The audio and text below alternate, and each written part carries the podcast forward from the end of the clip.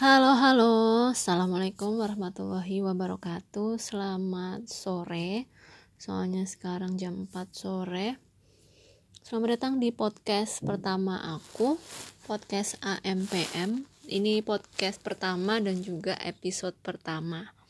Jadi, kenapa bikin podcast? Karena jujur pertama kali kepikiran ide untuk bikin podcast itu waktu waktu dengerin podcast pertamanya uh, stand up comedian. Stand up comedian yang cukup terkenal tapi bukan Raditya Dika ya bukan. Nah itu kayaknya asik ya dia cerita macam storytelling tapi tentang kehidupan sehari-hari dia yang ada satu topik khusus gitu. Tapi kayak ceritanya ngalir aja itu kayak semacam dia lagi curhat lagi ngeluarin unek-unek dia biar plong kayak gitu. Nah terus tertarik karena kayak kalau misalnya bikin uh, YouTube gitu video YouTube tuh kan mungkin terlalu banyak editing dan aku tipikal orang yang kayaknya kurang berbakat untuk editing gitu. Jadi ngerekam oke okay tapi kalau untuk editing keburu males. Jadi mungkin pilihan uh, ngerekam suara di podcast ini pilihan yang cukup aman buat aku. Dan aku nggak perlu dandan. Karena kalau video di YouTube tentu harus dandan dong. Kalau gitu jelek nanti di depan kamera. Terus kenapa namanya AMPM tentunya teman-teman udah pada tahu lah ya AMPM I mean uh, itu seperti waktu pagi siang sore malam tengah malam subuh seperti itu. Jadi maksudnya aku pengen cerita semua unek-unek aku pengen curhat ibaratnya dan itu nggak mengenal waktu. Entah aku mau uploadnya kapan mau ceritanya kapan pokoknya yang penting aku pengen cerita. Jadi intinya itu AMPM pagi siang sore malam tengah malam subuh seperti itu. Dan semoga aja mungkin di setiap cerita aku di sela-selanya mungkin ya teman-teman bisa mendapatkan faedahnya atau manfaatnya gitu dari pengalaman aku karena bukankah pengalaman adalah guru yang paling baik? Tada. Terus oh iya di episode pertama ini sebenarnya aku pengen cerita soal rumah karena kebetulan tadi aku ada sedikit masalah dengan rumah yang lagi aku beli. Jadi setelah sekian lama aku mendambakan punya rumah akhirnya aku punya rumah. Meskipun nyicil ya it's okay lah. Jadi aku ambil rumah terus aku ikut KPR di salah satu bank swasta di Indonesia. Nah pas tadi siang itu aku dapat kabar yang kurang menyenangkan sih. Jadi ada ini sebenarnya agak-agak konyol. Jadi gini rumah aku itu masuk jadi di depan gerbang itu ada masjid di sebelahnya masjid itu ada portal. Nah aku beli granit tile dan di antaranya itu di siang. Nah beli granit tile di Mitra 10 tentunya mereka ngirim pakai mobil box atau mobil yang cukup besar lah. Nah ternyata di pas di portal itu ditutup karena ada perbaikan jalan. Jadi perbaikan jalan tuh katanya di semen gitu jalannya oh, oke okay. terus waduh terus gimana dong? Nggak bisa masuk dong si granita laku. Yaudah akhirnya si uh, mitra 10 drivernya itu telepon aku. Terus aku bilang boleh nggak aku ngobrol sama si pak satpamnya? Gitu. Akhirnya teleponnya si driver dikasihin ke satpamnya. Kasihin ke satpamnya terus aku ngobrol pak gimana nggak bisa apa kalau lewat sebentar gitu. Nggak bisa mbak soalnya ini semuanya belum kering lalalala gitu. Yang intinya dia nggak ngasih izin untuk mobil boxnya lewat. Tapi yang konyol dan yang menjengkelkan menurut aku adalah ketika si satpamnya bilang oh ya boleh sih mbak. Yang penting mbak ada pengertiannya aja waduh pengertian apa nih maksudnya nih? Udah curiga aja aku dan jangan pengertian dimaksud tuh pengertian dalam tanda kutip dan feeling aku ternyata bener. Aku langsung tanya maksudnya bapak pengen saya bayar bapak? gitu. Ya ya gitulah mbak gitu. Jadi intinya dia nggak bilang enggak nggak bilang iya mungkin malu kali ya. Karena sebenarnya nggak ada SOP-nya untuk kita ngasih duit seperti itu kalau tutup tutup aja gitu kan terus akhirnya ya udah tanpa kebanyakan bacot bapak ibu aku bilang ya udah bapak pengen berapa? Gitu. Terus si satunya bilang pengertian mbak aja seikhlasnya.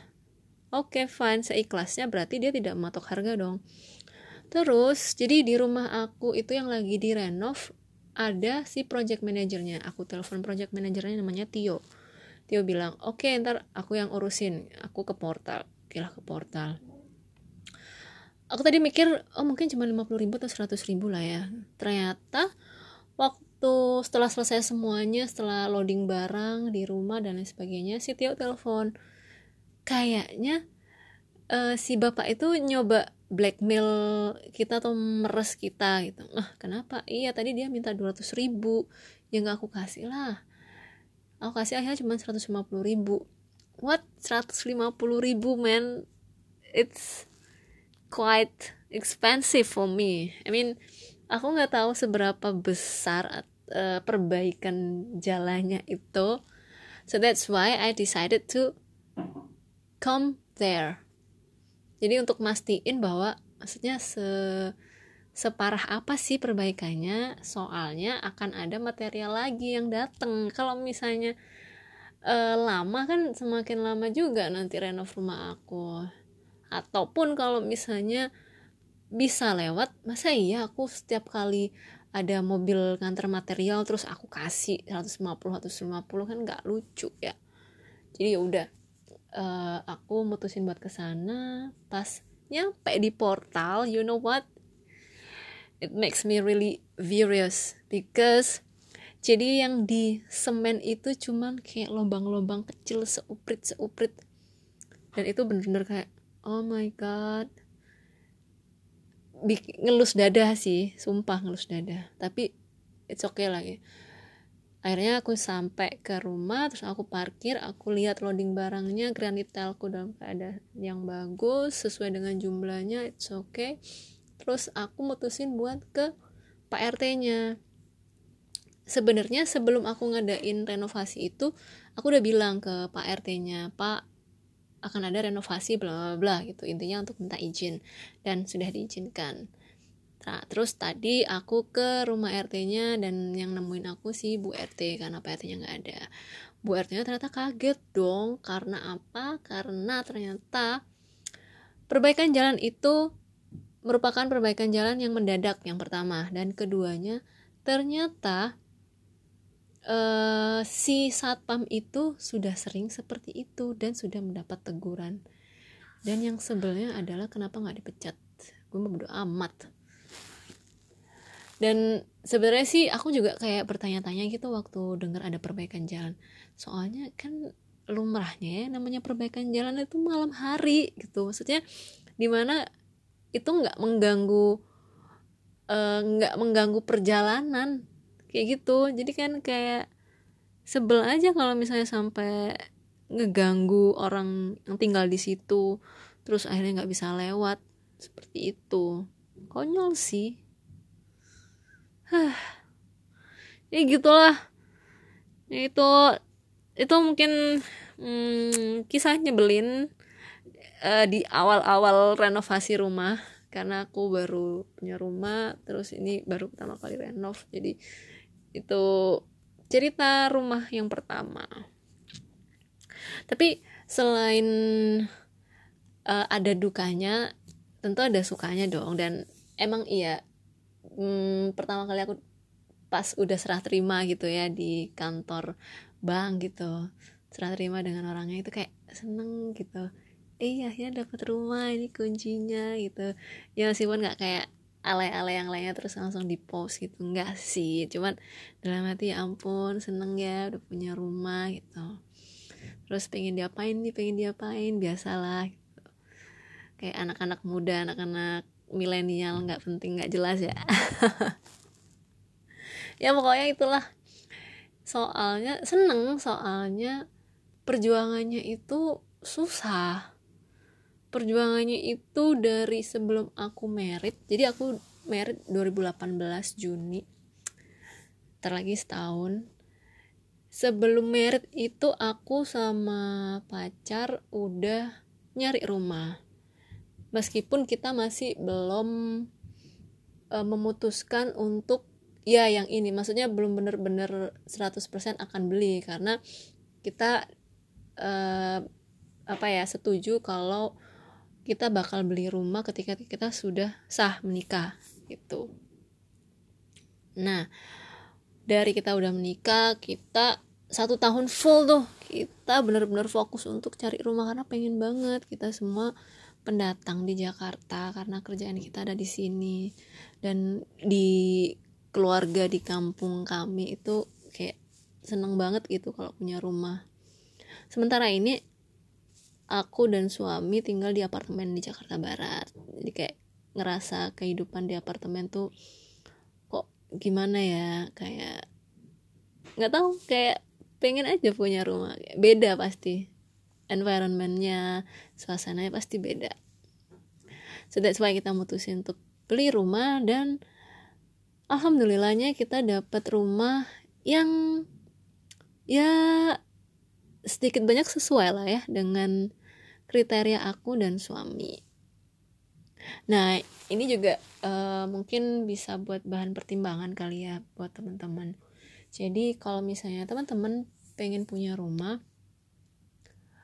hmm, pastiin teman-teman tuh punya namanya minimum requirement rumah.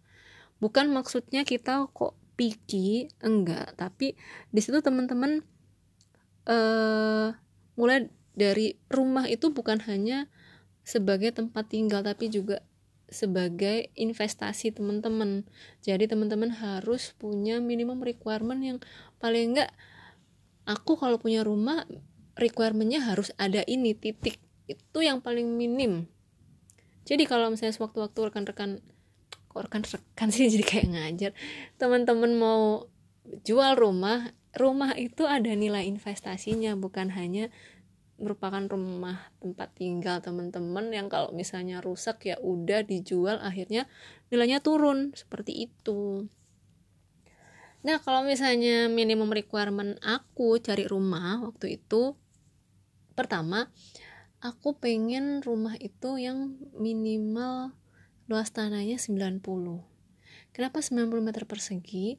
Karena aku membayangkan untuk ketika aku sudah tua dan aku masih berada di rumah itu aku ingin rumah itu semungil mungkin tidak menimbulkan atau tidak mengeluarkan uh, apa ya biaya budget untuk untuk pemeliharaan atau perawatan yang banyak. Gitu dan kenapa kenapa kalau misalnya kenapa harus 90 kalau misalnya memang biaya pemeliharaannya harus kecil? Kenapa nggak 70 sekarang kan banyak rumah ukuran 70 oke kenapa 7 kenapa 90 karena 90 meter persegi itu luas tanah yang cukup untuk dibangun minimal dua kamar tidur. Jadi aku pengen banget punya kamar tidur yang ada di bawah. Satu kamar tidur utama justru aku nggak nggak pengen punya kamar tidur di atas. Karena bayangin kalau misalnya teman-teman sakit atau ah harus naik turun naik turun tangga aduh kayaknya enggak deh. Jadi makanya aku pengen punya kamar yang ada di lantai satu. Dan di lantai satu aku juga pengen punya kamar satu lagi. Entah digunakan untuk kamar anak atau misalnya kamar tamu ataupun orang tua mau tinggal bareng. Yang penting dia di bawah karena bayangin dong orang tua disuruh naik turun ke atas lantai dua lantai satu kayak nggak bakal tega lah ya. Oke yang pertama itu minimal 90 meter persegi. Mau satu lantai mau dua lantai it's up to you. Itu terserah teman-teman pendengar podcast.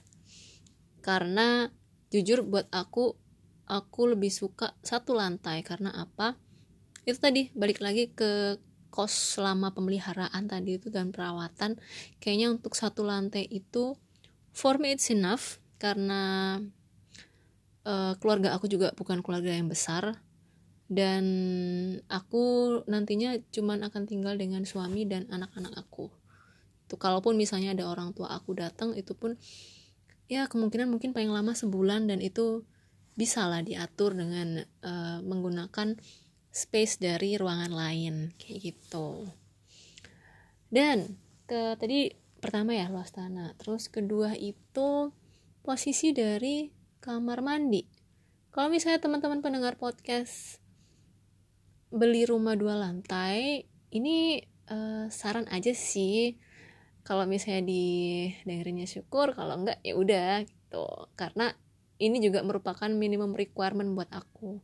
Jadi kalau dua lantai itu aku selalu cari kamar mandinya yang se apa ya ibaratnya sesaf atau sejajar antara kamar mandi yang ada di lantai satu dan kamar mandi yang ada di lantai dua. Kenapa?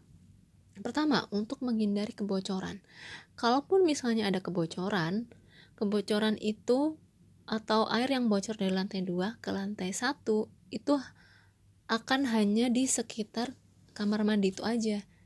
Jadi bayangin kalau misalnya di atas kamar mandi di bawahnya ruang tamu atau kamar. Bayangin kalau misalnya bocor. Akan sangat tidak menyenangkan bukan? Itu dari segi perawatan. Yang kedua dari segi psikologikal bayangin kalau misalnya nih di atas ada toilet di bawah ruang makan. Terus di atas lagi pup di bawah lagi makan. Kalau misalnya orang yang lagi makan fine sih fine fine aja sih. Cuman kayak bayangin kalau misalnya kalian makan terus habis itu di atas ada yang pup. Coba gimana sih kayak uh, kalau aku sih kurang ya menurut aku that psychologically sesuatu yang bukan teknis sih tapi ya ya gitulah. Kalian tahu lah seperti itu. Terus apalagi ya? Oh ya yang ketiga adalah taman. Jadi kalau teman-teman pendengar podcast tinggal di Jakarta tentunya taman itu merupakan sesuatu yang sangat mahal dalam tanda kutip. Jadi punya taman di rumah itu merupakan suatu nilai tambah yang sangat-sangat tinggi untuk rumah di Jakarta. Mungkin kalau rumah di daerah, di desa itu merupakan hal yang lumrah atau wajar untuk punya taman, tapi kalau di Jakarta it's not. Jadi kalau misalnya teman-teman pengen punya rumah yang memiliki nilai tambah investasi, aku saranin jangan dibangun full bangunan sisain taman. Dan balik lagi ke masalah psychological. Bayangin kalau misalnya teman-teman punya anak atau teman-teman sendiri aja deh lagi stres kan pasti pengen pengen di tempat yang luas pengen ngelihat ijo-ijo pengen catch breath pengen apa ya bernapas dalam tanda kutip. Itu pasti seneng banget kalau misalnya punya lahan terbuka jadi sekecil apa pun lahan terbuka itu keep it keep it like that. Jadi tetap tetap kayak gitu. Biarin jangan ditutup, jangan dihalangi sesuatu, jangan diberi barang-barang. Keep it simple like that. Itu. Terus selanjutnya tentunya lokasi kali ya. Ini yang ini keempat yang tentunya teman-teman pendengar podcast harus perhatiin masalah lokasi.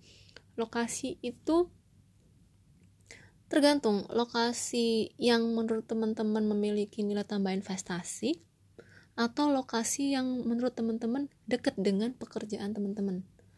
Jadi, untung-untung kalau misalnya teman-teman dapat kedua-duanya yang punya nilai investasi dan juga dekat dengan teman-teman kerja. Kenapa? Karena ada lokasi yang dekat dengan tempat pekerjaan teman-teman tapi kotanya atau daerahnya atau lokasinya itu kurang memiliki nilai investasi kayak gitu. Jadi silahkan pilih. Mau pilih yang agak jauh yang memiliki nilai investasi tapi jauh dengan pekerjaan teman-teman. Jadi teman-teman bangun harus pagi naik sepeda motor atau naik mobil bermacet-macet ria atau naik kendaraan kendaraan umum maksud maksudnya that's a choice itu pilihan teman-teman. Tapi kalau aku aku lebih memilih dekat dengan pekerjaan daripada memiliki nilai investasi. Karena apa? Dekat dengan pekerjaan itu akan mempermudah kita pertama biar nggak capek biar nggak capek di jalan. Dan it, dan kesehatan kita tuh benar-benar investasi utama buat kita. Itu sih yang paling utama. Dan yang kedua kan kita udah dapet nilai investasi dari yang lainnya. Dengan luas tanah yang uh, cukup besar dan dengan adanya taman seperti itu. Jadi uh, tidak ada 100% rumah yang perfect, yang sempurna yang bisa kita dapatkan. Pasti akan ada satu atau dua hal yang merupakan kekurangan dari rumah itu. Tapi apakah rumah itu bisa kekurangan rumah itu bisa tertutupi dari kelebihan rumah itu? Nah, itu teman-teman yang bisa nilai atau menimbang-nimbang. So, menurut aku itu minimum requirement buat aku. Nah, menurut teman-teman minimum requirementnya apa aja? Itu beda-beda ya tiap orang ya. Tapi ini yang aku rasain dan menurut aku ini penting banget sih. Jadi, itu aja podcast hari ini di episode pertama nanti akan ada podcast episode 2 nah, nanti aku bareng suami aku kita bahas sesuatu yang lain jangan bosan-bosan dengerin podcast kita dadah